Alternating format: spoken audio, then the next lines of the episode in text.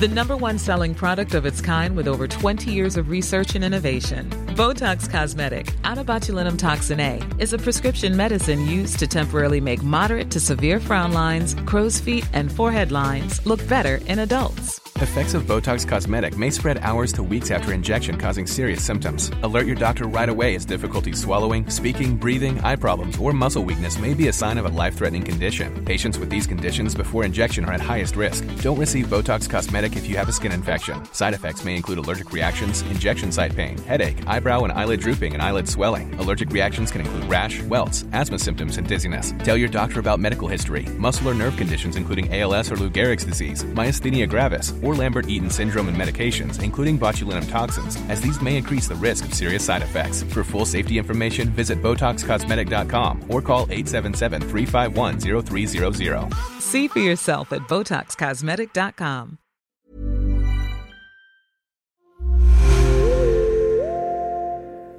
Hej!